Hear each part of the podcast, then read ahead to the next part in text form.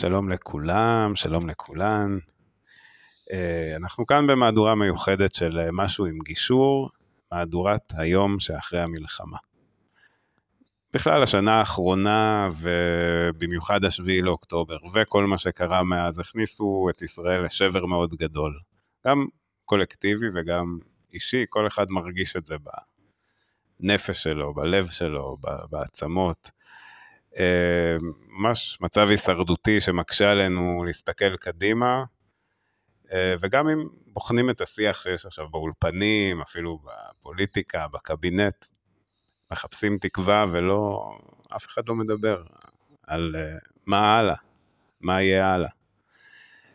ובתור אבא לשתי בנות, עלמה ושקד, ובתור מגשר, ובתור מי מחפש תקווה כדיפולט. אני כן רוצה לדבר על זה, ואני חושב שחשוב לדבר על זה, וגם בפרק הזה וגם בפרקים הבאים, אה, אני הולך לקיים סדרה של אה, שיחות על היום שאחרי המלחמה. לא במובן של פוליטיקה, מי אשם, לא אשם, זה... אני מניח שזה גם יעלה. אבל מה התקווה? כי כש...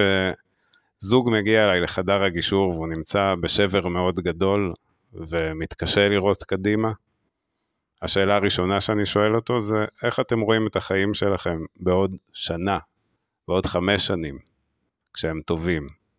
תפתחו את הפריים, תראו משהו אחר. ואז, מה אתם צריכים כדי להגיע לשם? ואז מתחילים בנייה. אין דרך אחרת. אה, אז אני דניאל הרוש, אני מגשר, יועץ תקשורת לשעבר, אבא של עלמה ושקד, כמו שאמרתי, שכל זה בעיקר בשבילן. ואת הפרק הראשון אני רוצה לפתוח עם אה, אדם שאני מאוד אוהב, שחזר עכשיו גם משלושה חודשים של אה, מילואים בחזית, אבי בוסקילה. אהלן. אהלן. מה, מה קרה? אני רואה שמה שאמרתי קצת... פשוט שלחת אותי לחשוב, זו גישה טובה ובריאה אה, לפתוח את הפריים. אני מסתכל רגע יותר רחב. זה מאוד קשה עכשיו. זה מאוד קשה. אה, הביטוי אה, מסתכלים דרך כוונות אה, הפך להיות אה, משהו מאוד מוחשי בחודשים האחרונים, אה, וכולם רואים מין אה, תמונה מאוד צרה. אני מקווה שנצליח uh, תוך כדי השיחה אולי לצרף uh, פרפרזה על הכוונות, אמצעי תצפית קצת יותר uh, גדול ומשמעותי, לראות קצת יותר רחב.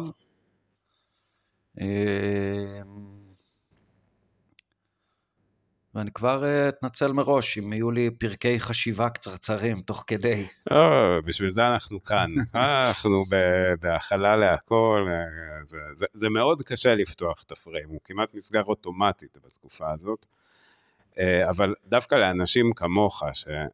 ו, ובגלל זה עניין אותי מאוד לדבר איתך בהקשר הספציפי הזה, כי אני חושב שאין הרבה אנשים שמכירים את החברה הישראלית טוב כמוך, דרך החוויות חיים שלהם, כי למי שלא מכיר, אתה, אתה גדלת בפריפריה במושב, בסביבה מאוד ימנית, אה, קצין בצבא, גיי, אה, התמודדת על ראשות מרץ, אה, מנכ"ל שלום עכשיו, מנכ"ל או מזכ"ל?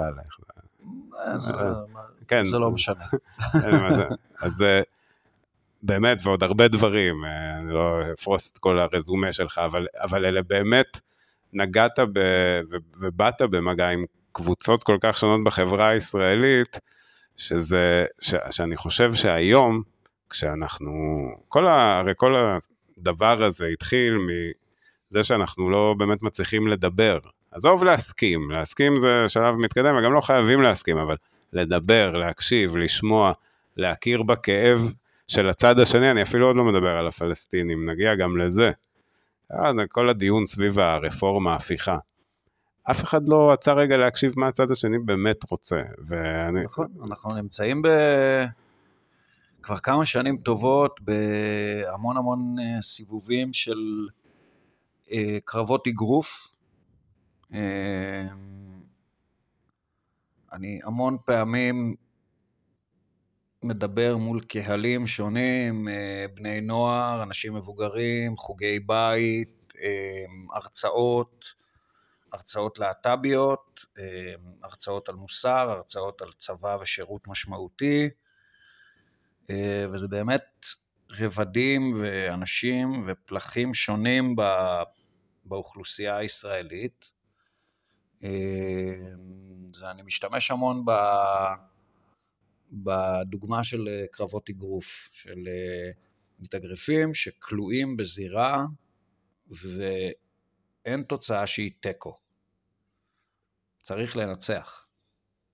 והדרך לניצחון היא מורכבת מהמון דברים. יכול להיות ניצחון בנוקאוט, ויכול להיות ניצחון בנקודות. ובאופן כללי אנחנו חיים במקום שהוא חי בטורים מאוד מאוד גבוהים כל הזמן. כבר הרבה שנים אנחנו פשוט מתאגרפים ומתאגרפים ומתאגרפים, ואנחנו מגיעים לשבר של השביעי באוקטובר עם המון משקל על הגב. אנחנו מגיעים לאירוע הזה אחרי קורונה, ואז נכון. עוד שנה של הפיכה משטרית, ואז אירוע השביעי באוקטובר, שכבר עברו ממנו שלושה וקצת חודשים, ואצלי בראש זה קרה לפני שעתיים, ואנחנו... כן, נראה לי אצל כולם. בתוך הדבר הזה. אמ, אנחנו כישות מותשים לחתיכות, ממש מותשים לחלוטין. אנחנו מאוד מאוד עייפים ועייפות, וזה הרבה יותר קשה מכאן להתחיל לחפש תקווה, או לזרוע זרעים של תקווה, או אה, לפעול אה, אקטיבית כדי לייצר תקווה, כשאנחנו זוכרים שיש לנו אחים ואחיות במנהרות או במבנים הרוסים בעזה, החיים שלהם בסכנה, אה, וזה לא מאפשר לנו באמת לעצור. לעצור רגע ולחשוב. אני אפילו מרגיש שאנחנו מאוד פוחדים מלעצור רגע ולחשוב. כי המשמעות של לעצור ולחשוב תהיה שאולי יצוצו מחשבות שאנחנו לא מסוגלים להכיל כרגע. אני, אני מבין מה אתה אומר, לגמרי, זה באמת מאוד קשה. אבל אני חושב שדווקא בגלל שיש לנו אנשים שנלחמים שם, ואנשים שחטופים שם, ושכנראה כל יום הוא גיהנום שעובר עליהם, בשבילם, מי ששם, כמובן, אי אפשר, אין לצפות ממנו שהוא אה, יהיה במשהו אחר חוץ מזה, אני, יש לי חברים שחזרו לשבת או זה, ובטעות כאילו זרקתי איזה משהו שהוא מעבר ל... צריך עכשיו רק אה, לנצח, למוטט, והם אמרו לי, עזוב, עזוב, עזוב, אנחנו לא שם, אנחנו לא שם, רד מאיתנו. ואני ממש מכבד את זה, כי אני באמת חושב שהם לא מסוגלים כרגע. אני מאוד חושש מהיום שזה יסתיים והם יחזרו והם יגלו מה, מה היה פה, אבל בדיוק בשבילם, מי שכן מסוגל לעשות את המאמץ. כי אני רואה שהפוליטיקאים לא עושים את זה. אני, אגב, אני, לא, אני גם לא לגמרי, באופוזיציה. אגב, אני לגמרי איתך. אני, אני, אה, ביד אחת ממש רוצה שקט, בגישה מאוד אגואיסטית ו... אנושית. אנושית, אני חושב, אבל, אבל אני גם מודע לזה שזה אגואיסטי. אני, אני צריך שקט. אני... זה... אני הייתי בחומת מגן, והייתי בלבנון השנייה, והייתי בצוק איתן, והייתי בחרבות ברזל, ונלחמתי בכל האירועים האלה, ועוד הרבה שנים של שירות סדיר. והפעם הזאת היא שונה דרמטית מכל האחרות. למה? קודם כל, כי הבנו שאנחנו לא בלתי מנוצחים. זו תובנה קשה מאוד לאומה שעמוד השדרה הכי בסיסי שלה הוא התקומה. אה, אומה שהנרטיב המעצב שלה הוא שואה, והנרטיב המתהווה שלה כבר 70 שנה הוא תקומה. תקומה ולעולם לא עוד. וכש... וכשזה קורה, אירוע כזה, אז האמון מול המערכות השלטוניות קורס, האמון מול המערכות הביטחוניות קורס, האמון בין האנשים קורס. אתה אה, דיברת על זה בפתיח בהקשר של גישור בין אנשים שבאים לצורך העניין להיפרד. כן. זה מאוד דומה. זה זה, זה הדבר. להיפרד אבל להמשיך להיות שותפים. להיפרד ולהמשיך להיות שותפים, כי יש, תראה, אני מעריך שבעבודה שלך הכי פשוט זה אם מגיע זוג שאין לו ילדים ואין לו נכסים ואין לו...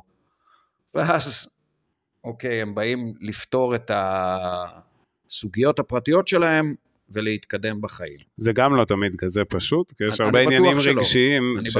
שמדברים עליהם ופותחים אותם. כשאין נכס משותף, כמו אדמה, בית, גדר, איום, אז אולי יותר קל, אולי, אני לא יודע מספיק טוב, אני מעריך שיותר קל לפרק רגע את המורכבויות.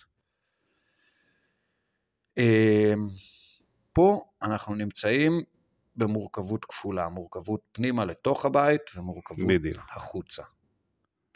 כלומר, והדבר הזה הוא, הוא קשה מאוד.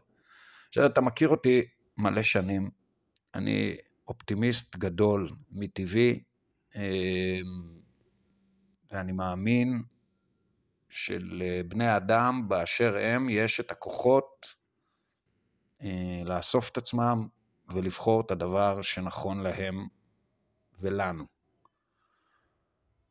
יחד עם זאת, אנחנו נצטרך למצוא את הדרך בחודשים ואפילו בשנים הקרובות לבנות את החברה הישראלית מחדש. אמ, אני חושב שזה אפשרי.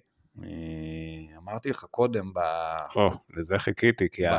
האובדן אמון שדיברת עליו, סליחה שאני קוטע אותך, הוא, זה נשמע מאוד דטרמיניסטי, אוקיי, איבדנו אמון בכל המערכות, מה יש לנו לעשות כאן? הרי כששאלו את אה, נתניהו לפני כמה שנים, ואני לא רוצה לפתח דיון על נתניהו, רק לצטט uh, מילה אחת שהוא אמר, בתשובה לשאלה האם לנצח נחיה על חרבנו, הוא ענה כן. ומבחינתי, בתור uh, מי שמגדל פה ילדות, זו לא תשובה מתקבלת לא על הדעת. טובה. היא לא, לא רק לא מספיק טובה, היא אנטי מנהיגותית, כי בשביל זה אני לא צריך אותו. ההנהגה בישראל, לתפיסתי, יש לה שלושה תפקידים. אחד, לספק ביטחון. זה, אנחנו מדינה שקמה במקום מאוד עוין, בסביבה עוינת, בלי ביטחון אין לנו שום דבר. זה הראשון בפירמידת הצרכים שלנו. השני זה למצוא כל חרך להיכנס דרכו כדי למנוע את המלחמה הבאה, כולל לקחת סיכונים, אין מה לעשות, אין מה לעשות. בגין הבין את זה, רבין הבין את זה, זה אין, אין ברירה אחרת. שרון הבין את זה? שרון הבין את זה בדרכו, כן, יפה. והשלישי זה לשמור על הייחודיות שלנו במרחב הזה, ועל המרקם המאוד עדין של החברה הישראלית שבנויה מהמון קבוצות. ועל הדמוקרטיה, שזה, שזה בעצם גם העוצמה הפנימית שלנו וגם חלק מהברית שלנו אה, עם ארצות הברית ועם מדינות המערב, שבעצם נותנת לנו את הגב, גם הביטחוני וגם המוסרי, להיות כאן, במקום הזה.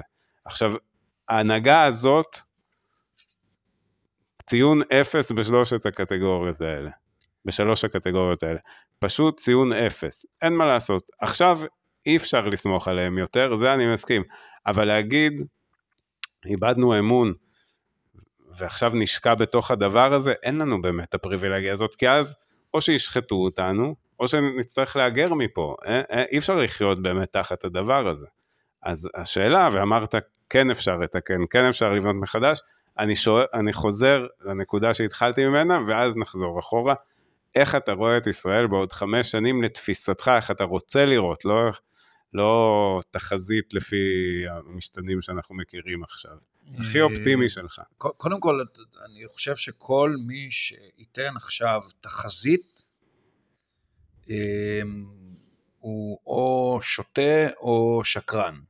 יפה. לכן אני לא שואל על תחזית, אני שואל על לא, רצון. לא, אני אומר, אני, כן, מסתכל על? אולפנים, מהרגע שחזרתי מהמילואים, אני יוצא לי לצפות באולפנים. כן, יותר מדי סימני קריאה.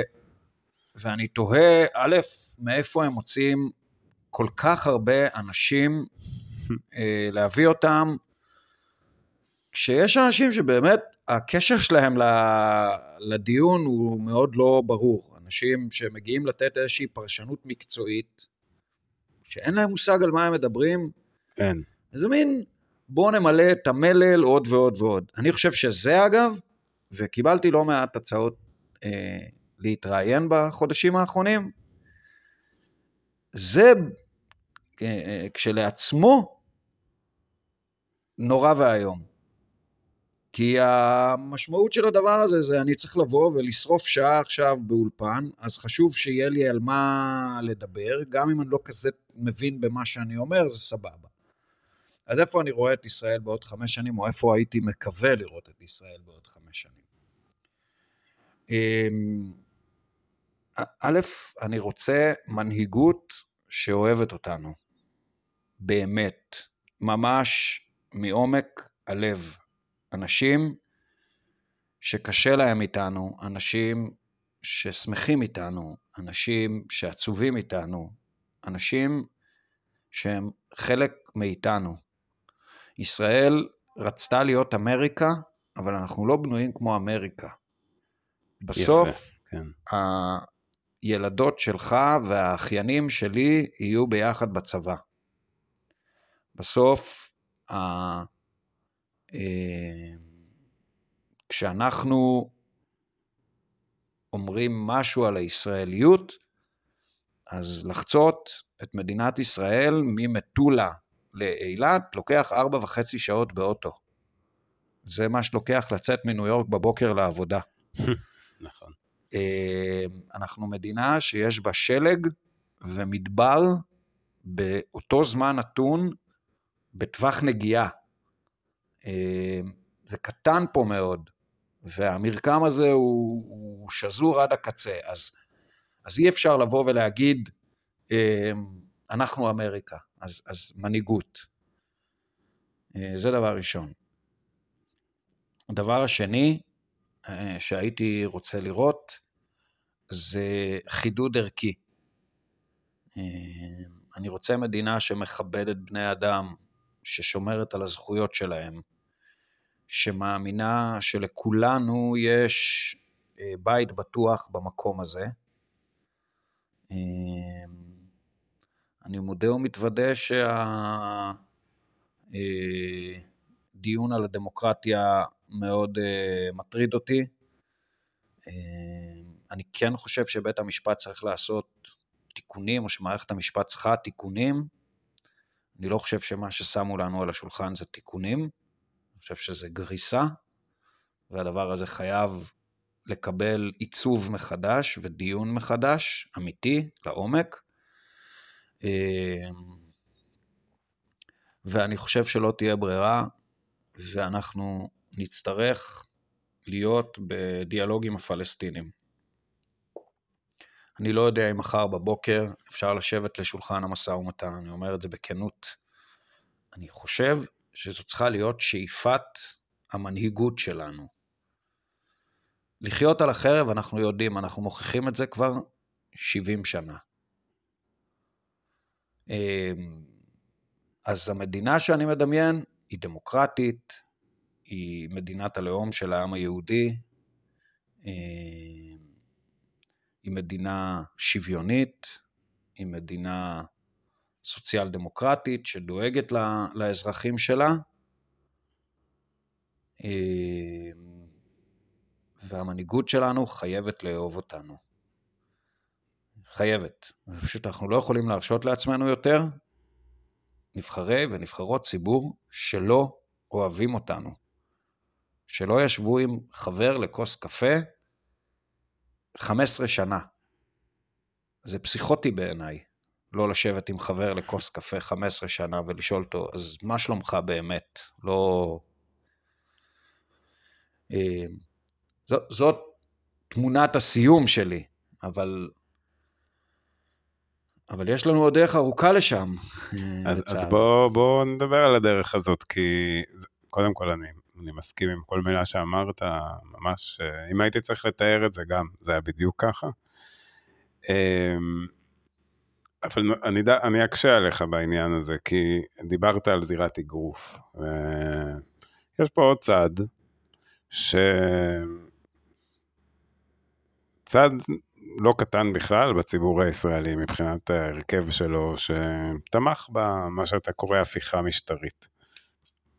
אמ, הוא תמך בזה, לא משנה אם שכנעו אותו, ומי שבאמת תמך, ומי שבאמת חשב ככה, ו, ואני כן יודע בוודאות שמשני הצדדים היו פה פוליטיקאים שהעלו את גובה הלהבות בכוונה, כי כמו שאמרת, צריך רפורמה במערכת המשפט. אני לא באמת חושב שהפערים היו כאלה גדולים, אם היו יושבים בחדר ומדברים על זה כמו שצריך, אבל לנצח בנוקאוט את הצד השני, אי אפשר, כמו שאי אפשר לעשות את זה בגישור בין בני זוג שמתגרשים, כי צד שמובס, הוא לא יישאר שקט הרבה זמן.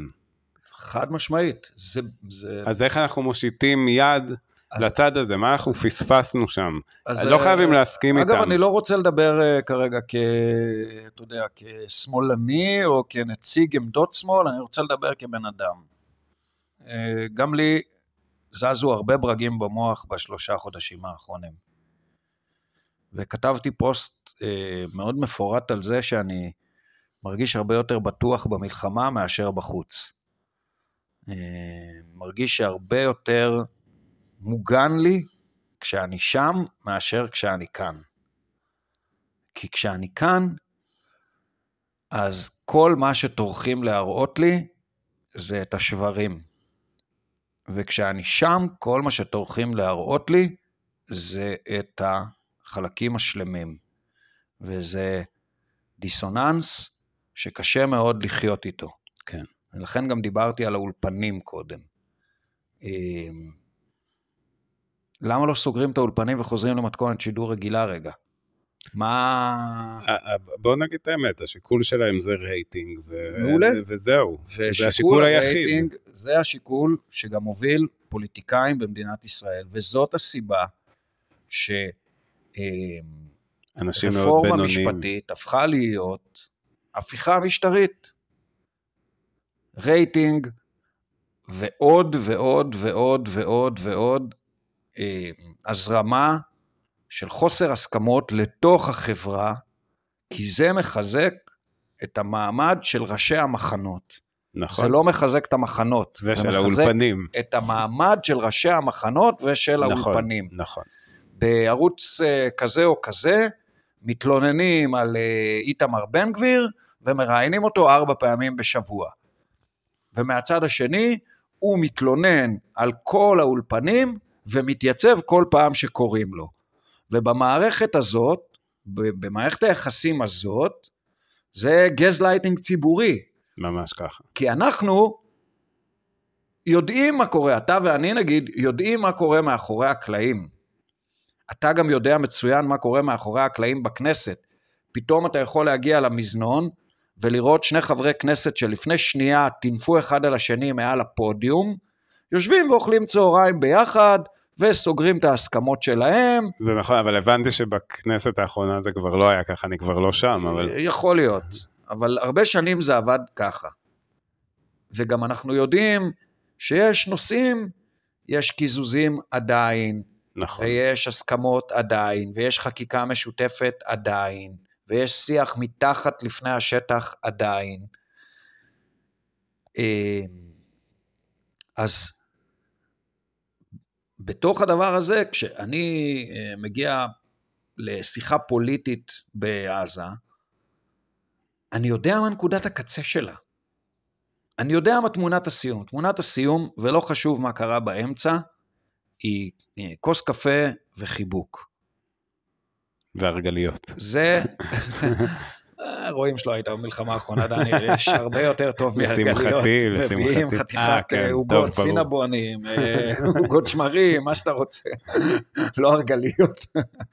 אבל אני אומר, התמונת סיום היא ברורה. וברגע ש- שמצג הסיום אה, מובן, הלהבות הרבה פחות גבוהות, והוויכוח הוא הרבה פחות אה, נוקב או קשה. לא, הוא, הוא נוקב, הוא לא קשה. הוא לא סופי, הוא לא סופני, הוא לא שריפת גשרים. ויש בו הקשבה. הוא ויכוח שמאפשר להגיע לנקודת הקצה הזאת. גם אם אין הסכמה. גם אם אין הסכמה. אבל אתה יודע מה יש, וזה חוויתי בכל הדיונים הפוליטיים? יש נכונות לפשרה. יש הבנה שתהיה פשרה. שצד אחד יצטרך להתפשר במקום מסוים, והצד השני יצטרך להתפשר במקום אחר, ותהיה פשרה. אני אגיד לך משהו. לא. יוכרע כאן, כמו שאמרת, אה, לא יהיה כאן נוקאוט. עדיף שלא יהיה נוקאוט, כי כי כולנו נסבול מזה, אבל, אבל מה שאתה מתאר, מעבר לעניין של המדים, ואתה יודע, האחווה וה- והמשימה המשותפת, אתה יושב עם הבן אדם ואתה מסתכל לו בעיניים. אנחנו מנהלים את הוויכוחים שלנו מאחורי המקלדת, וזה מאוד קל ש... להפוך את הצד השני לדמון ככה. נכון. אתה לא יודע, אתה לא רואה את הכאב שלו, יכול להיות שהוא כותב עכשיו משהו והעיניים שלו משדרות כאב ואתה לא יודע. גם יכול להיות שמה שהוא כתב, או מה שהיא כתבה, יש לו טון מסוים, וניואנס נכון. מסוים, וסאונד מסוים, וצליל מסוים, וגובה מסוים, שאתה לא יודע. ויותר מזה, יכול להיות שבנקודת הזמן הספציפית שהוא כתב או היא כתבה את זה, הם נמצאים במקום רגשי, נפשי, פיזי, שהוא קצה או תחתית, אין לנו שום יכולת אה, אה, להבין את הדבר הזה. אנחנו מתייחסים לטקסט כאילו הוא מנותק מאיזו הוויה קיומית, אבל הוא לא מנותק מהוויה קיומית, אנחנו פשוט לא יודעים אותה. נכון. אז השיפוט שלנו יכול להיות הרבה יותר קיצוני והרבה יותר ברוטלי, יותר אלים, יותר אגרסיבי, על כלום. על משהו שהוא... אה, ושם אתה באמת יושב על יד הבן אדם, או נמצא איתו באותו רכב, או באותו חדר, ו... ואתם חולקים את אותה, את אותה נקודת זמן. והשיח הוא הרבה הרבה פחות אה, אלים. הוא שיח הרבה יותר מכיל, מבין. גם בוא נודה על האמת, אתה לא יושב מול בן אדם בטווח אפס ומקלל אותו. זה פשוט לא קורה. ואם זה קורה, אז אתה סובל מחוסר מודעות קשה, אבל אז זה כבר לא משנה איך, הדי... איך הדיון מתנהל. נכון. אה, איך אנחנו מביאים את הדבר הזה לתוך השיח הפוליטי בישראל, לא בצבא, אלא ברחוב. ברשתות החברתיות זה באמת קשה מאוד, כי האלגוריתם עובד כך שאתה רואה בעיקר דעות שדומות לשלך, ואז כשאתה נפגש בדעה אחרת, זה נראה לך פתאום, וואו, מאיפה זה נפל עליי? עכשיו, הוא, הצד השני גם נחשף לדעות בעיקר כמו שלו, ואז הוא פוגש אותך ואומר, מי זה החייזר הזה? מאיפה הוא הגיע? מה זה הדעות תראה, אני האלה? מקווה ש... שנוצרת רשת קשרים בין אישיים עכשיו, ב- ברגעים האלה וגם כן. בחודשים אחורה, נתווית רשת חז- חדשה אמ, אני פתחתי את המלחמה הזאת כשעזרתי לפקד על צי הלוויות הצה"לי. עבדתי במשך שבוע וחצי בלב הרבנות הראשית. אני אה, קצין, שמאלן, הומו, אה, חילוני, עובד בלב הרבנות הראשית. עם אנשים שלכאורה ביני לבינם אין דבר וחצי דבר. ומה גיליתי? גיליתי שהם באו להתנדב בהמוניהם, אמנם בעבודת הזיהוי, אבל בכנות אני אגיד לך, אני לא הייתי מתחלף עם אף אחד מהם לעולם. גיליתי שלתפיסה האלוהית שלהם יש ערך כשאתה בא לעשות עבודה כזאת, כי אם אתה לא מאמין שיש משהו גדול ממך בעולם, אתה לא יכול להתייצב מול פני הרוע בצורה כל כך אה, ישירה ובלתי אמצעית. גיליתי אנשים שמפחדים כמוני מאותם דברים, שמודאגים כמוני מאותם דברים, שזה נשמע כאילו אני לא חי כאן כשאני אומר את זה. אני חי כאן, עובדתית. הרבה שנים לא יצא לי לבלות המון זמן אינטנסיבי בקרב אוכלוסייה חרדית, ו- ולראות את ה... לראות אותה מבפנים. ואני עוד יחסית מנוסה בתוך מרחבי החברה החרדית. אנחנו נדבר על אנשים שלא אף פעם לא בילו איתם. והם מאוד ריגשו אותי, והם מאוד נגעו בי, וזה היה מאוד אנושי וקשה מאוד לחלוק את החוויה הזו ביחד. ופתאום מצאנו את עצמנו מדברים על החיים, ומגיעים להסכמות, ומגיעים לפשרות, וגם מגיעים למחלוקות. כלומר, גם יש דברים שלא הסכמנו עליהם. אבל זה קרה. אה, ומשם אני מדלג לעזה, ומוצא את עצמי בהרבה שיחות כאלה, מכל מיני סוגים. ו... תראה, בעיניי מצג הסיום של המלחמה כבר מונח על השולחן. מה הוא? אה, אני חושב שהחמאס ידרוש, אני חושב שהחמאס הקיף את המנהיגים שלו בחטופים ובחטופות שלנו. דרך זה הוא ימנע אה, סיכול שלהם. דרך זה, זה יהיה הכרטיס אה, יציאה שלהם. אני מעריך שהם יצאו למצרים ומשם הם יטוסו לאחת המדינות. וברגע שהם יהיו על המטוס, אנחנו נקבל את החטופים שלנו, מי שמהם, אה, נקבל אותם חזרה. אה, האם זה אולטימטיבי? לא. אבל אני לא יודע אם יש משהו אולטימטיבי בכל הסיטואציה שאנחנו חיים בה. אה, אבל אני חושב שזה מצג הסיום, אני חושב שישראל חייבת לקחת אותו, אמ, ואז להסתכל אחורה ולהתחיל לעבוד על החוסן החברתי שלנו, על איחוי השברים, על איחוי הפצעים, על תיקון המבנה המעמדי של מדינת ישראל. אמ, להסתכל באומץ להרבה מאוד שברים שיש בתוך החברה ולהתחיל להדביק אותם ולבנות את הפסיפס, אה, זה קצת קלישאתי להגיד, אבל, אבל לבנות זה, את הפסיפס הזה כן, מחדש. כן. כן. זה מצג סיום קשוח. אה, אבל יש, יש דרך לעשות את זה. יש על אמת דרך לעשות את זה, מי שרוצה לראות את זה מוזמן לשולחן שישי של אימא שלי. מעניין, מה? ריימונד. כי יושב שם, אה, יושבים שם אני ושמרי, הדעות הפוליטיות שלנו ידועות, ויושב שם אה, אח שלי שהצביע לבן גביר, ועוד אח שלי שהצביע לביבי, ועוד אח שלי שהצביע לבני גנץ, אה, ואימא שלי שהצביעה למפלגת העבודה, ואבא שלי שהצביע ליאיר לפיד, ו... ובתוך השולחן הזה מתנהלת שיחה כל הזמן.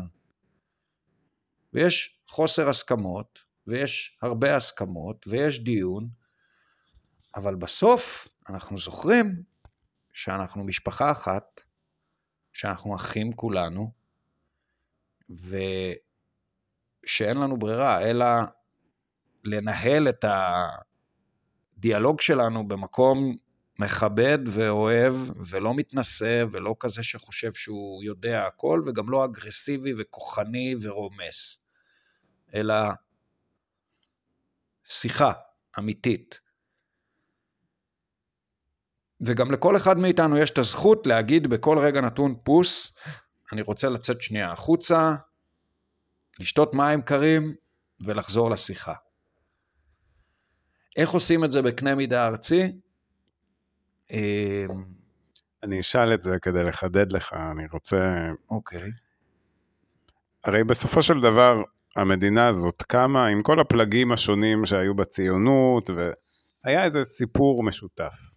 ידענו לספר סיפור משותף, זה היה מאוד ברור אז, העם שלנו עבר מה שהוא עבר באירופה, בתפ... וידענו שאנחנו צריכים את המדינה הזאת כדי שהיא תהיה המקום הכי בטוח לכל יהודי בעולם שירצה לבוא הנה. זה היה הסיפור. עבר זמן, זה הסיפור הזה, הדפים שלו קצת הצהיבו, וחלק קצת שכחו אותו, והתחילו לספר סיפור חדש, וקמה כל התנועה של, שהיא יותר משיחית, ו, ו, והפכה למשהו הרבה יותר גדול, מש, שכבר ממש אוחז בהגה של השלטון, ואין לנו באמת סיפור משותף היום. ככה אני מרגיש, ואני, ואני גם חושב שאם לא נמצא אחד כזה, משהו בסיסי, ברור שעליו אנחנו נמשיך uh, להתווכח ולריב, ויהיו לנו תפיסות שונות, זה היה גם בהקמת המדינה. גם אז היו חילוקי דעות על האופן, לא כולם הסכימו, לא כולם רצו שנכריז בתאריך הזה, ועל אה, תוכנית החלוקה ואוגנדה, היו תמיד ויכוחים, תמיד. אבל היה משהו משותף. היום אני מרגיש שאין, שכל קבוצה יש לה את הסיפור שלה, את הנרטיב שלה, והיא לא מוכנה לוותר עליו. אז, אז יש לנו משהו משותף, יש לנו. אני... אני, אני שמח שאתה אומר את זה, כי אני יש, ממש רוצה לשמוע יש, משהו כזה. יש לנו משהו משותף. המשהו הזה הוא אה, היסטוריה, המשהו הזה הוא אה, ביטחון, לא במובן של אה, צבא וטילים, אלא במובן של ביטחון אחד בשני. אמ, אני כן חושב שבשנתיים, שלוש האחרונות, אה, זה התפורר מאוד. אני חושב שלהנהגה שלנו יש אחריות כבדה על העובדה שזה מתפורר, מכיוון שזה אה, תמה שלטונית. תמה שלטונית שאומרת, כמה שיותר ראשים ופלגים, ככה יותר קשה להתאגד. וזה מאפשר שליטה יותר פשוטה. זאת הייתה התמה כלפי פלסטין, חמאס ורשות פלסטינית, וזאת הייתה התמה פנימה לתוך החברה הישראלית, זאת אותה תמה בדיוק ש... שמופעלת עלינו. אבל יש לנו היסטוריה משותפת ויש לנו שאיפות משותפות. גם אם הקצה שלהן הוא טיפה שונה, רוב הבסיס הוא דומה. כולנו רוצים לחיות במדינה אה, מתוקנת, כולנו רוצים בסך הכל לחיות במדינה חופשית. אני גיליתי שהתנועה המשיחית היא מאוד חזקה תקשורתית, מאוד חזקה ברעש, אבל הייתי צריך להיזכר שבקצה שלה היא שישה מנדטים. אז למה כשזה קורה במפלגת העבודה אנחנו אומרים איזה קטנה ולא משפיעה, וכשזה קורה בתנועה המשיחית אנחנו אומרים, וואו, בן גביר יהיה ראש ממשלה? הוא לא יהיה ראש ממשלה. וגם בתוך הציונות הדתית, אני בשלושה חודשים האחרונים גיליתי כל כך הרבה מתנגדים לבן גביר, זה ממש שימח אותי. ממש... כן. אה... אני חושב שגם שם קרה משהו. גם שם קרה משהו, חד משמעית. ואגב, זה עוד משהו שהוא מאוד משותף לנו. השבר הזה, הנורא, הוא, הוא גרם לנו רגע לחזור לבייסיק ולשאול את עצמנו מי באמת השותפים שלנו ועם נכון. מי באמת אנחנו יכולים לדבר. אתה יודע, אני חזרתי עכשיו ובניתי לעצמי מין אה, אסטרטגיית יציאה מהמלחמה. וקבעתי שאני פוגש אנשים במשורה, ממש מעט, ורק אנשים שבא לי לראות. אה, גם כתבתי לך את זה בוואטסאפ, אני חושב. נכון. אה, ואז עוד יותר התרגשתי שהסכמת. בצדק. אני, אני אה, קבעתי לעצמי שאני לא רוצה אירועים המוניים, אני לא רוצה להיות במקומות שיש בהם המון אנשים. אז זה ציר אחד. הציר השני, קבעתי לעצמי שאני אשתדל, אני באמת משתדל, לפעמים אני נופל בזה, אבל אני באמת משתדל להימנע מלהגיד דברים נחרצים ומוחלטים וחד משמעיים. אני לא יודע מה, מוחרד, מה, מה, מה הוא חד משמעי עכשיו. יש לי המון שאלות ותהיות וברורים פנימה והחוצה מול עצמי ומול העולם. נשבר משהו מאוד מאוד בסיסי בנחרצות שהסתובבתי איתה אה, טרם האירוע הזה. וכשאני קורא אנשים מאוד נחרצים, הדבר היחידי שיש לי להגיד להם, נשמות, אתם בהתקף חרדה. זה ממש ככה. אתם חייבים אה, ללכת לשתות מים קרים ולמצוא... זה מה ששבר עושה, או שהוא גורם לך להתקבע עוד יותר ולהתחפר בעמדות שלך לגמרי. מתוך חרדה, או להתחיל לשאול הרבה שאלות שהן מפחידות וקשות, אבל חייבים לשאול אותן. ולכן קבעתי אסטרטגיית יציאה, ולכן אני לא כל יום שואל את עצמי את כל השאלות, כי אני אקבר תחת מערום השאלות ואין סוף התשובות. אני כן מרשה לעצמי אה, לשאול שאלות. אני כן מרשה לעצמי לערער ולפקפק בדברים שאמרתי באופן מובהק. עכשיו ברור לי ש... תן לי דוגמה ישמעו- למשהו או, כזה. ברור לי שישמעו את זה שמאלנים ויגידו הנה הוא התפכח, וישמעו את זה ימנים ויגידו יש הוא התפכח. לא, אה, צר לי להרוס לכל הצדדים בעת ובעונה. לא התפכחתי משום דבר. מי ששמע דברים שאמרתי לאורך השנים יודע שאני תמיד חשבתי שחמאס הוא ארגון טרור איום ונורא שצריך לפרק לחתיכות. אני פשוט לא בטוח שצריך להילחם בו רק בצבא. יש עוד שיטות להילחם בחמאס. אחת מהן זה להתחיל לנהל איזשהו משא ומתן ולשים על השולחן תוכניות לתקווה. מהצד השני,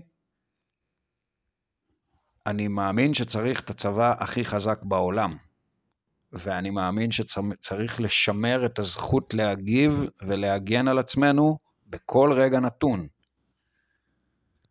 אז לא התפכחתי משום דבר, אלה שני דברים שאמרתי תמיד, פשוט עכשיו הרבה יותר נוח לי להניח אותם אחד ליד השני.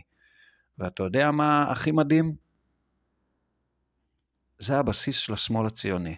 ממש נכון. לבנת היסוד. ולאורך כל השנים האחרונות, זה תמיד נשמע בחצי היסוס, או לא נשמע בכלל. אמ,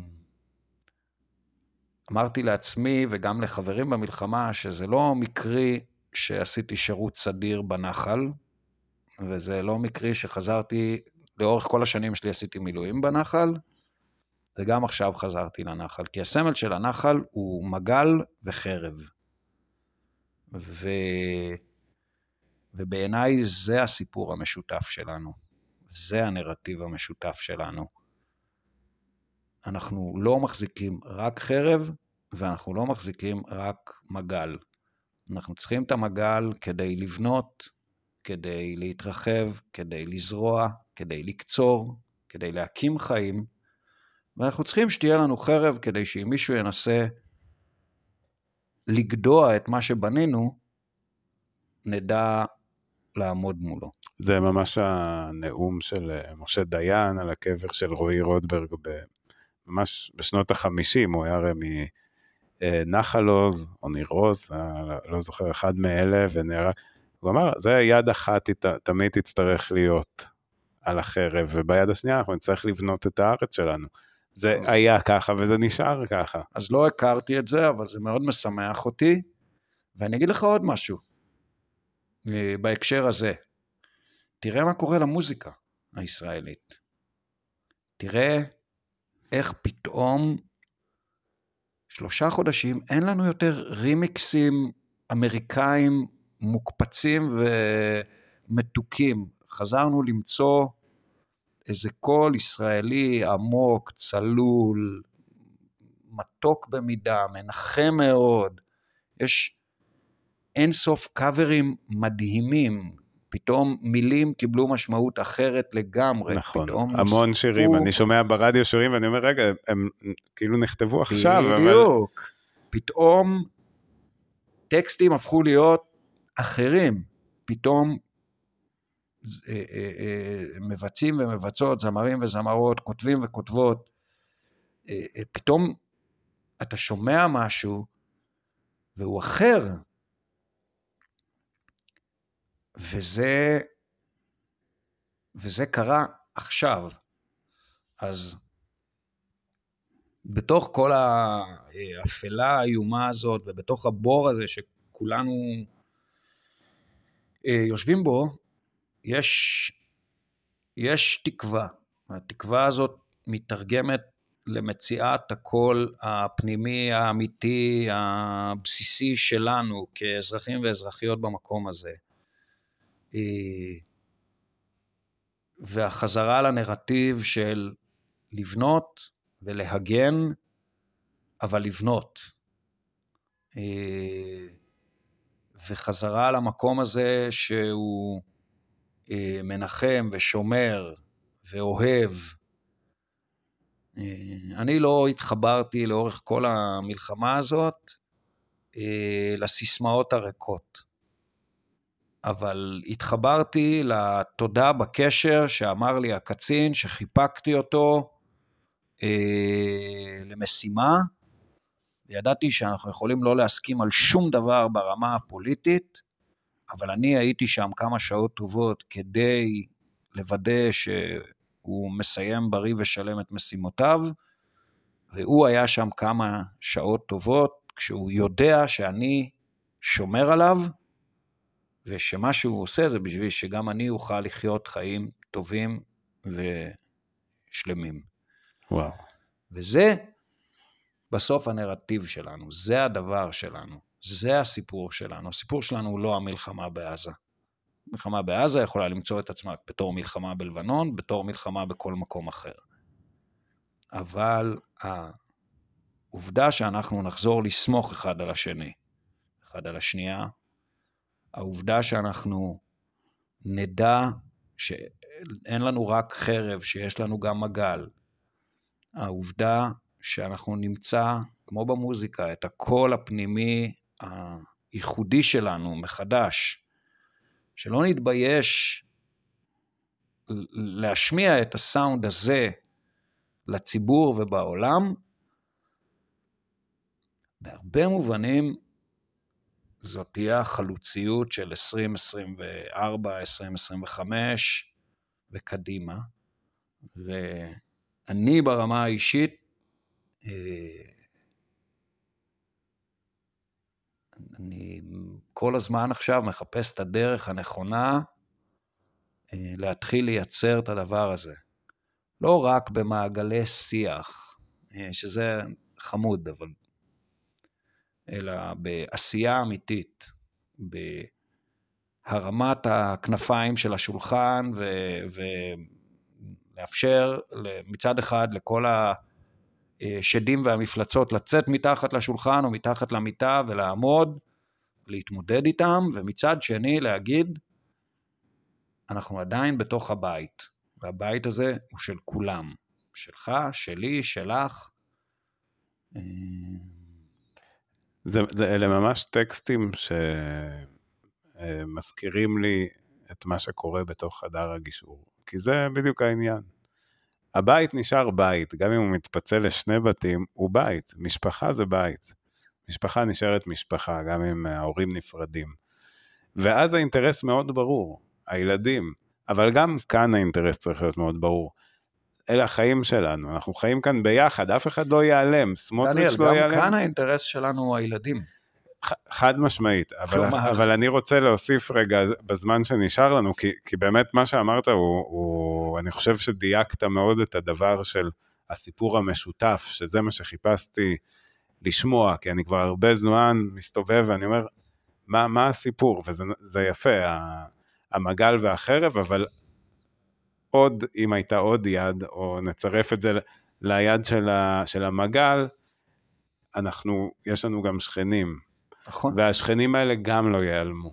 ואנחנו נכון. נצטרך ללמוד לחיות לצידם. נכון. או, ש... או איתם, אבל אנחנו נצטרך לעשות את זה. ו- ושם האתגר עוד יותר גדול, כי הוא גם קשור לאתגר הפנימי, כי בלי איזשהו, איזושהי אחידות פנימית, אי אפשר יהיה לזוז שם, כי כל ראש ממשלה שינסה לזוז שם טיפה, הוא יסיים אולי כמו רבין, אולי לא יודע איך, אבל, אבל פה החברה הישראלית נמצאת בהדחקה עמוקה, ככה אני מרגיש, ועכשיו עוד יותר, כי אנחנו שומעים מכל uh, כיוון את הרעיון הזה, שמה ההבדל בכלל בין הרשות הפלסטינית לחמאס? רק בטקטיקה, הם כולם נאצים. ו- ואני אומר, אני אומר את זה כבן אדם שמתעסק בקונפליקטים, במשברים ביום-יום שלו. אני מוכן לדבר עם כל אחד שמוכן לדבר איתי. זה לא אומר שאני אסכים איתו, זה לא אומר שאני אוותר לו על משהו, אבל הנהגה הישראלית לא, יכול, לא יכולה שתהיה לה את הפריבילגיה לא לדבר. זה, זה בדיוק העניין. אבל אני... איך עושים את זה? איך באים עם זה לציבור? הציבור כאן כל כך חרד מהדבר הזה. אבל אנחנו כבר שנים, אין פה מנהיגות מובילה, יש כאן מנהיגות נגררת. שנים כבר. שנים יש כאן מנהיגות שעוסקת בה ולא בנו. ושוב, אנחנו התחייבנו לא לפתוח שיחה על, על נתניהו, ואני לא אכנס לשיחה על נתניהו, כי, כי אני חושב שהמציאות שמכה בנו בכזאת עוצמה, היא תוצר של מדיניות מוגדרת. זה לא הפתעה, לצערי. זאת הפתעה. אין ספק. האירוע הוא הפתעה. הרעיון המסדר הוא לא הפתעה. ו... ולכן אני אומר, אנחנו נצטרך לדעת, אני מעריך שבזמן היחסית קרוב, אה, להגיד, אנחנו נוצרים את הרובים ואת התותחים, ואנחנו עוברים לשולחן. וזה קרב לא פחות קשה אה, בשום מובן, גם במובן האנושי, כי האינסטינקט החייתי הבסיסי שלנו הוא להכריע את הצד השני,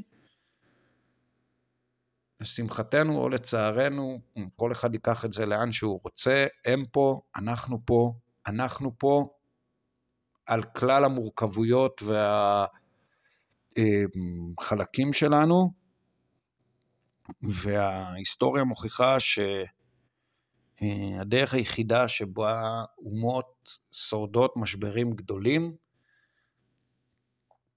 זה אה, דרך הסכמות. אין כמעט, אה, אין, אין ניצחונות בנוקאוט. גם אין, תשמע, רגל, אה, רגל צבאית, גם אם היא מגיעה להישג הכי גדול שיכול להיות, זה לא, נקוד, זו לא, לא נקודת הסיום, בלי, בלי רגל צבאית, מדינית זה לא עובד. אין שום אימפריה צבאית בהיסטוריה ששרדה אה, לנצח. כל האימפריות הצבאיות הכי משמעותיות קרסו לאורך השנים. היום העולם מסדר את עצמו במבנה אימפריאליסטי אה, שונה, אה, מדינות כמו סין אה, צומחות והופכות להיות אימפריות, וזה עוד לפני שהן מנפנפות בדגל הצבאי שלהם. כן. כלכלית, הם כן, אימפריה כן. שמחזיקה את רוב הכסף בעולם ויכולה להחליט מי יותר חזק או מי מנצח. זאת אומרת, גם שם הבינו שנשק זה לא הדרך היחידה. אנחנו נצטרך לדבר, אנחנו נצטרך למצוא את ההסכמות. אני מעריך שיהיה פה תהליך אה, רב-שלבי. שלב הראשון יהיה אה, לאפשר שיקום של הרצועה, ומהצד השני החזקת שליטה ביטחונית באיזושהי קונספציה שצריך להגדיר אותה. יש לי הרבה רעיונות על זה, אבל אה, זה דורש עוד אה, שמונה פרקים. אה, הדבר השני, יהיה איזשהו כוח בינלאומי שלוקח את הניהול על הדבר הזה, מנהלת השיקום. והדבר השלישי יהיה נסיגה סופית של כוחות צה"ל מתוך הרצועה, אבל היא עדיין תהיה באיזשהו סוג של פירוז, לא סוג של, אלא פירוז, והדבר האחרון יהיה בנייה של מערכת יחסים אה, שתתחיל בעגבניות ומלפפונים, ואני מקווה שתסתיים ביותר מזה. אני לא רואה איך אנחנו, איך זה לא קורה ככה, ואנחנו מצליחים לחזור או לצאת מהבור שאנחנו שרויים בו. אוקיי, נכריע את עזה. בינינו אני אומר לך, היא די מוכרעת. נכריע את עזה, אבל עזה תישאר, אבל מה, מה הלאה? בדיוק. אה, האם אנחנו רוצים שהילדים שלנו ימשיכו לחיות תחת טילים? לא. לא תהיה ברירה. יהיה פה איזשהו אקט הידברותי, גם אם ברמת המיתוג שלו הוא לא ימותג כתהליך השלום. פשוט יקרה. אה, איך עושים את זה עם הציבור? מנהיגות. זה התפקיד של מנהיגות. מנהיגות לא יכולה כל הזמן לשלוח את האצבע החוצה, להרגיש את הרוח, ואז להחליט על בסיס מה שהציבור אומר. אנשים נבחרים כדי להוביל החלטות קשות. ואני אגיד משהו שהוא לא מצופה ממני להגיד אותו, ובכל זאת אני אגיד אותו. אני מאוד מקווה שהממשלה הבאה שלנו תכיל 70% מהציבור הישראלי, אולי אפילו 80% מהציבור הישראלי. כולל ערבים, כולל חרדים, כולל ציונות דתית שרוצה ומוכנה לנהל דיאלוג על הכוונות אה, והמטרות שלה, כולל אה, מפלגות שמאל שיהיו ערוכות לפשרות על האידאות שהם הציגו לאורך אה, כל השנים. למה? אני לא קורא לה ממשלת שינוי, אני קורא לה ממשלת ריפוי. אנחנו, אנחנו צריכים לעסוק במשותף, לא להעלים את השברים, לא להתעלם מהכאבים. אתה יודע, אני עוסק בספורט. אה, הדרך הכי טובה לשקם אה, פציעה בספורט היא מצד אחד לאפשר מנוחה לאיבר הפגוע, ומצד שני לתת לו לעבוד. אה, אז, אז זאת ההמלצה שלי גם לציבוריות הישראלית. מצד אחד, לחבק, לעטוף, לחמם, לקרר, מצד שני, להמשיך לעבוד על זה, לא לעצור ולוותר. אבי, אה, אני רוצה ממש להודות לך, כי אני, אה, אני יוצא מהשיחה הזאת יותר אופטימי ממה שבאתי. סידרת לי גם כל מיני דברים בראש שלא... מצאתי להם את המילים הנכונות, ואני בדרך כלל מוצא מילים, אבל... אתה איש של מילים, ב- דני. ב- אתה ב- מצא מילים. בתקופה הזאת אני, אני מחפש מילים, אני גם מחפש מעשים. אה, אגב, חלק מהעניין של השיחות האלה שאני הולך עכשיו לקיים אנשים כמוך, זה באמת לשאוב מכל אחד טיפה תקווה, ואז להעביר את זה הלאה, זה האיחוי. אני יכול כל- לבקש ממך בקשה? בהחלט. כשאתה מעלה את הפרק הזה, כן. אז בתגובה הראשונה תשים את השיר שהקלטתם, אתה וזוגתך, שים אותו בתגובה הראשונה. אה, וואו, זה היה ממש בהתחלה, היינו ב... כאילו, זה, זה, איך אמרת, על, על פצע, על פציעה, אה, לתת לזה, לעטוף את זה, זה כאילו, אתה יודע, חיפשנו צליל, חיפשנו כל דבר שאפשר, ו... זה פגש אותי בלילה קשוח, והרגשתי שהנחתם אה, אה, מגבת של אלוברה על הכווייה. אני זוכר, אתה, אתה היה- שלחת לי הודעה, וגם עכשיו אני מתרגש. ממש זה, הרגשתי שהצלחתם לצנן אותי, והלכתי הצידה, ונתתי לעצמי קצת אה, לבכות ולפרוק, וחזרתי לעבודה יותר אז, אה, אז אנחנו, כשניסינו אה, לשיר את זה, אה, עצרנו הרבה פעמים את ההקלטה, כי, כי פשוט בכינו. אה, זה, זה היה הדבר, כל צליל הוא כזה, זה, אבל זה, זה הדבר, כאילו, לא צריך לפחד מזה. צריך לבכות, לא, זה בסדר. לבכות. אגב, במלחמה הזאת, אני, אני, אני לא אגיד שאני שמח מזה, כן, אבל אני רואה המון גברים בוכים נכון, כל- בכל מקום. נכון. וזה לא היה פעם, וזה, וזה מעודד, כי, כי זה אומר שאנחנו נפתחים והכל יוצא. זה- בכלל, כל השנה האחרונה, בסופו של דבר, באמת שזה קושי ש, שאני לא יודע כמה זמן ייקח לנו לצאת ממנו, אבל גם יש בזה משהו שכל המוגלה יוצאת החוצה. אני אזכיר לך שיחה שלנו, ואני כבר יודע שאנחנו חורגים מהזמן, אבל בכל זאת אני אזכיר אותה. אה, נסענו פעם, לא, סליחה, אה, נעשה גילוי נאות ויגיד שניהלת את התקשורת שלי בקמפיין אה, שלי לראשות מרץ, והייתה לנו איזו שיחה בלילה, ודיברנו על זה שישראל לא עברה אף משבר גדול ומהותי, שהשבר הכי גדול שלנו הוא מלחמת יום כיפור, נכון. ושבעצם לא עברנו התכה, האמריקאים עברו את מלחמת האזרחים, נכון. והצרפתים עלו על הבסטיליה, והגרמנים הייתה להם שואה, והודו התפרקה מהקוליונליזם, והבריטים נאלצו לוותר על השליטה שלהם בים, ו- ולנו לא היה משבר דרמטי, קיצוני, גדול. בטח לא לדור שלנו, לא, אולי רצח רבין, לא, אבל... לא, כן, ו- ולא כן. לצמוח ממנו. כן. אמ, אז עם כל העובדה שאני שבור מהמקום הזה ומרוסק כבר מה, מהתקופה האחרונה, אולי, אולי זאת הקרקע שממנה זאת יצמח תמיד משהו. הקרקע, אין, אין ברירה אחרת, זה או שאנחנו נופלים לתהום, או שאנחנו בונים עכשיו משהו שבאמת יהיה אחר לגמרי, וה, ואם אנחנו יוצאים מזה, אנחנו נצא מזה, אחרי השיחה הזאת אני יותר בטוח, אה, אנחנו נצא מזה הרבה יותר חזקים. זה לא, זה לא קלישאה.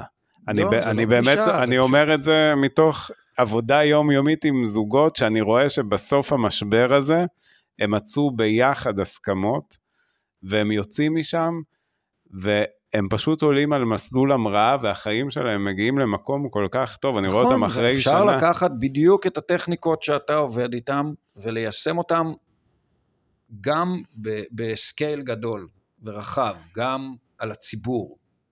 אפשר. משבר זה משבר. רק עניין של בחירה, בדיוק, אתה בוחר להיכנס אם להיבנות מזה הזה. או לשקוע. אה, ואנחנו כמדינה, אין לנו את הפריבילגיה לשקוע, כי כמו שאמרת, האינטרס שלנו זה הילדים, אנחנו לא נגדל ילדים במדינה שוקעת, נכון, זה לא יקרה. נכון. אה, אבי, אני רוצה להגיד קודם כל שאני מאוד אוהב אותך, אני ואני שמח. שחזרת, ואיזה כיף. כיף. שנפגשנו. תודה. כיף, ונעשה שיהיה כיף באופן כללי, כי בסוף, אתה יודע, תודה שדיברת איתי על זה, ותודה שהייתה לך סבלנות, כי אמ, כפי ששמת לב, אני כזה מנסח כמה פעמים תוך כדי שאני מדבר, כי אני מרגיש זה שיש כולנו, לזה- זה ה... דווקא היית די קוהרנטי. אתה דווקא בסדר. לא, לא, אמרתי לך, אתה נתת לא, לי אני צוחק. תקווה, אבל עזוב, אם עוד אנשים ישמעו ויקבלו מזה תקווה, עשינו את שלנו. הלוואי. אז יאללה, אה, תעבירו הלאה אם אהבתם, אם אהבתן, ונתראה בפרק תכתבו לי אם הבא. יש לכם רעיונות מגניבים לאיך מייצרים את השיח הזה ב- ברחב. יאללה, בוא נעביר את זה הלאה. בואו נעביר את זה הלאה. להתראות. ביי.